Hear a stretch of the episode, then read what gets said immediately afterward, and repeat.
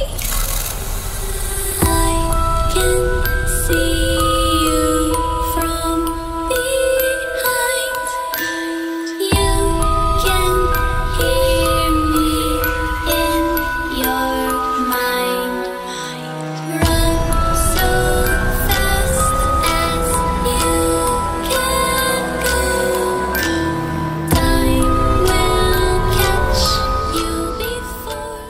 Perkenalkan nama gue Elmi Kali ini gue akan menceritakan pengalaman mistis yang gue alami ketika pertama kali gue menaiki Gunung Semeru Awalnya pada bulan Agustus gue memutuskan naik Gunung Semeru bersama temen gue Mr. K dan Mr. F Singkatnya ketika gue berada di Malang dan gue lagi ada di daerah kaki Gunung Semeru.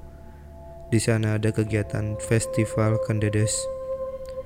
Karena adanya festival ini, masyarakat lebih memilih eh, meminimalisir kegiatan di gunung. Jadi sedikit banget masyarakat yang ada di gunung pada saat itu, terutama penduduk lokal karena mereka lebih memilih berada di rumahnya masing-masing. Gua nggak tahu kenapa mereka memilih seperti itu. Dan emang ketika gua berada di jalan pendakian, dikit banget penduduk yang jualan di sana. Hampir setiap pos itu cuma satu orang aja yang ngejagain jajanannya.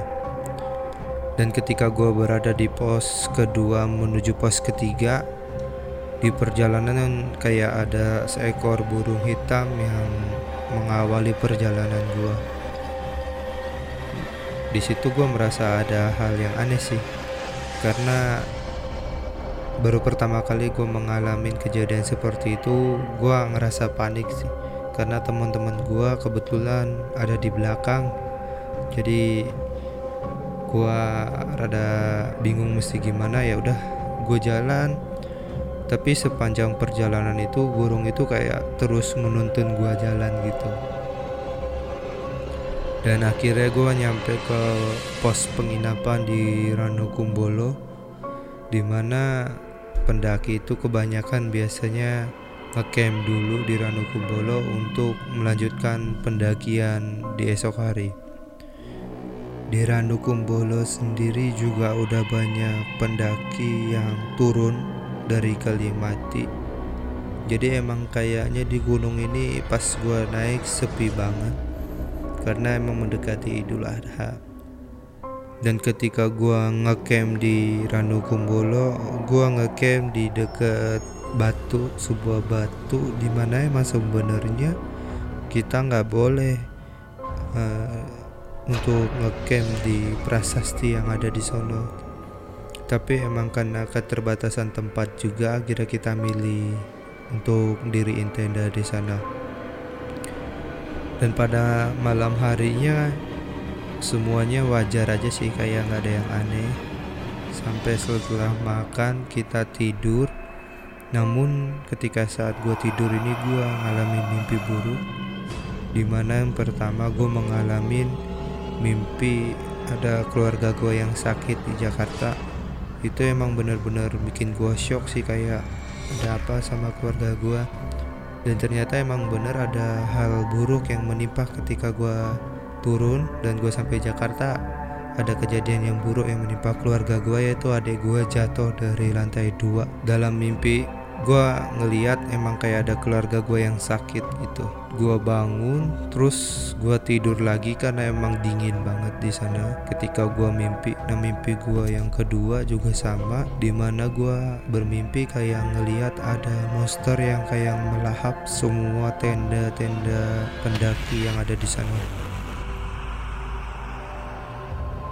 Dan gue ngerasa takut banget dan mental gue di situ langsung down terus gue bangun jam 4 subuh dan gue memutuskan gak tidur lagi.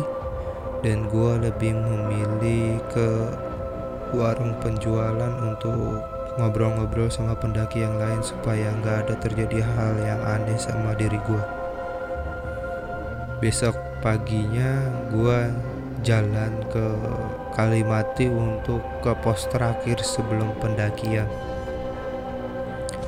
di Kalimati gua kayak ngerasa ada hal-hal yang aneh. Sebelum gua nyampe di Kalimati itu ada pos namanya Jambangan.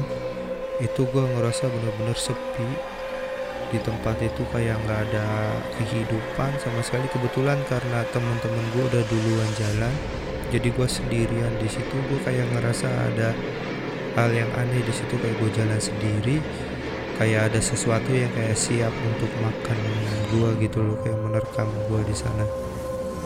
Sontak gue lebih milih berhenti nunggu temen gue yang di belakang Mr. K supaya kita bisa jalan barengan. Dan akhirnya sampai di Kalimati gue bener-bener kaget karena banyak banget pohon di sana yang emang dikasih kain putih. Dan emang itu tanda supaya pendaki itu nggak ngedirin tenda di situ karena kata penjaga di sono ya pohon-pohon yang dikainin putih itu ada penunggunya. Dan akhirnya gue memutuskan untuk ngecamp agak jauh sedikit deket shelter. Tapi di shelter itu juga udah penuh akhirnya gue ngecamp deket pohon juga yang emang bener-bener dikainin putih. Itu emang bener-bener ada serem sih. Gua pak gua takut cuman emang karena nggak ada tempat lagi akhirnya kita memilih untuk tidur di sana. Untuk ngecamp ngedirin tenda makan dan tidur di sana. Dan ketika gua sudah berada di Kalimati kita sudah makan kita udah tidur.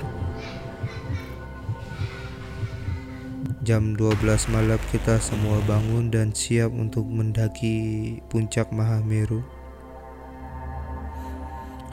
pada saat pendakian perjalanan menuju ke Arjopodo gua melihat ada sosok yang aneh di mana di sebuah pohon itu kayak ada makhluk hitam besar dan itu ngebikin gua panik kayak gua nggak berani untuk nengok kanan kiri lagi. Dan teman-teman gua itu semuanya ada di persis di depan gua tapi gua nggak berani ngajak ngomong gua nggak berani nyuruh mereka atau gua nggak berani untuk nanyain mereka gitu loh Mr. F sama Mr. K jalan aja di depan gua tapi di situ gua bener-bener takut gitu kayak aduh apaan ini kok bisa gua melihat hal-hal yang kayak gini gitu loh tapi gua nggak mau menyusahkan teman-teman gua akhirnya gua tetap fokus tetap eh, zikir supaya gua nggak down mental gua dan gua melanjutkan perjalanan di situ. Dan akhirnya gue bisa sampai ke puncak Mahameru sekitar jam 8 pagi. Dan ketika itu gue turun dan beristirahat lagi di Kalimati nah cuman bedanya saat di Kalimati ini sekarang para pendaki ini udah pada turun. Mereka memilih untuk bermalam di Ranukumbolo. Cuman karena di tim gua ada yang lagi sakit jadi nggak memungkinkan untuk kita jalan ke Ranukumbolo.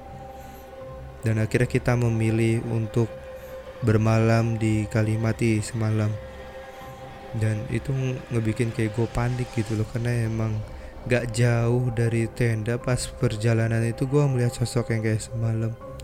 Itu bikin gue makin takut tapi gue nggak berani ngomong sama teman-teman gue jam 4 sore udah pada ngantuk capek sakit.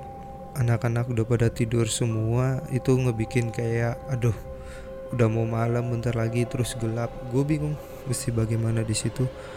Dan ya udah akhirnya gue memilih untuk tidur dan jam 7 malam itu gue bangun terus gue mencoba untuk masak gue membangunin Mr. K untuk ngebantu gue masak untuk bikin masakan untuk Mr. F yang lagi sakit di situ. Setelah masak, kita makan, bersih-bersih dan tidur. Nah, di sini gue merasakan kayak di tenda gue ini kayak ada yang ngegoyang-goyangin gitu loh.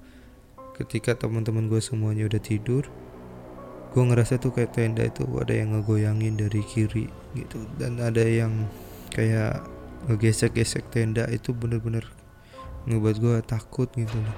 Siapa di luar? Dan emang bener-bener udah nggak ada orang lagi di situ. Nggak ada kelompok lain emang bener-bener cuma tenda gua yang ada di bawah pohon itu gitu loh.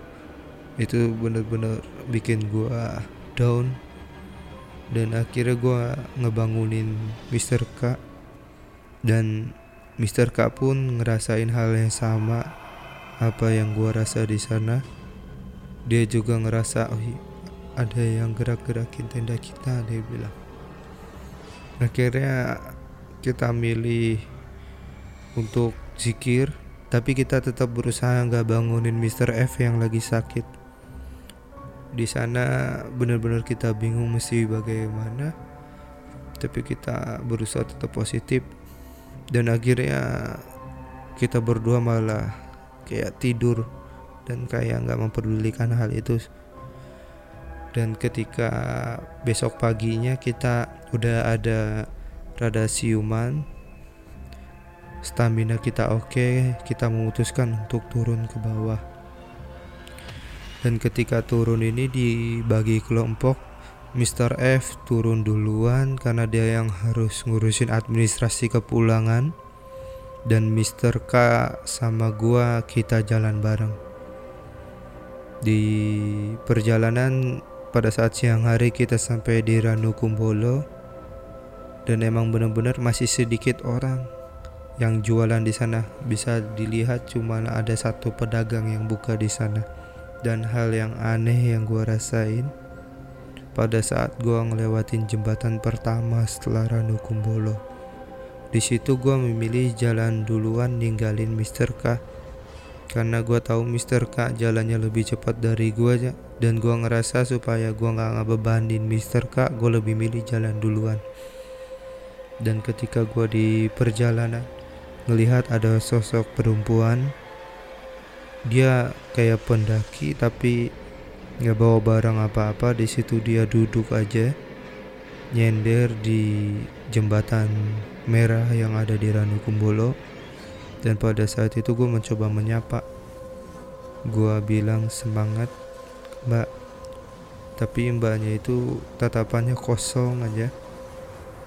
Dia nggak ngelihat ke mana-mana dan itu ngebuat gua panik. Dan ketika gua jalan tas gua nengok lagi ke belakang dan perempuan itu hilang. Itu bener-bener ngebuat gua kayak wah gua mesti gimana dan gua mutus memutuskan untuk gua lari aja ke depan gitu loh. Lari sampai gua ketemu sama pendaki yang lain dan akhirnya gua ketemu sama pendaki yang lain yang mau ke arah Ranu Kumbolo Nah di situ gue ikutin dia untuk balik lagi ke jembatan. Tapi gue takut untuk balik ke jembatan itu dan akhirnya gue ketemu sama Mr. K sebelum nyampe jembatan. Di situ gue udah mulai berani lagi untuk melanjutkan perjalanan ke bawah. Gitu aja pengalaman mistis yang gue rasain di Semeru. Mudah-mudahan teman-teman di sini nggak ngerasain apa yang gue rasain gitu loh. Atau mungkin teman-teman yang pernah merasakan pengalaman mistis yang sama bisa kita sharing-sharing di Instagram Avogatos. Thank you.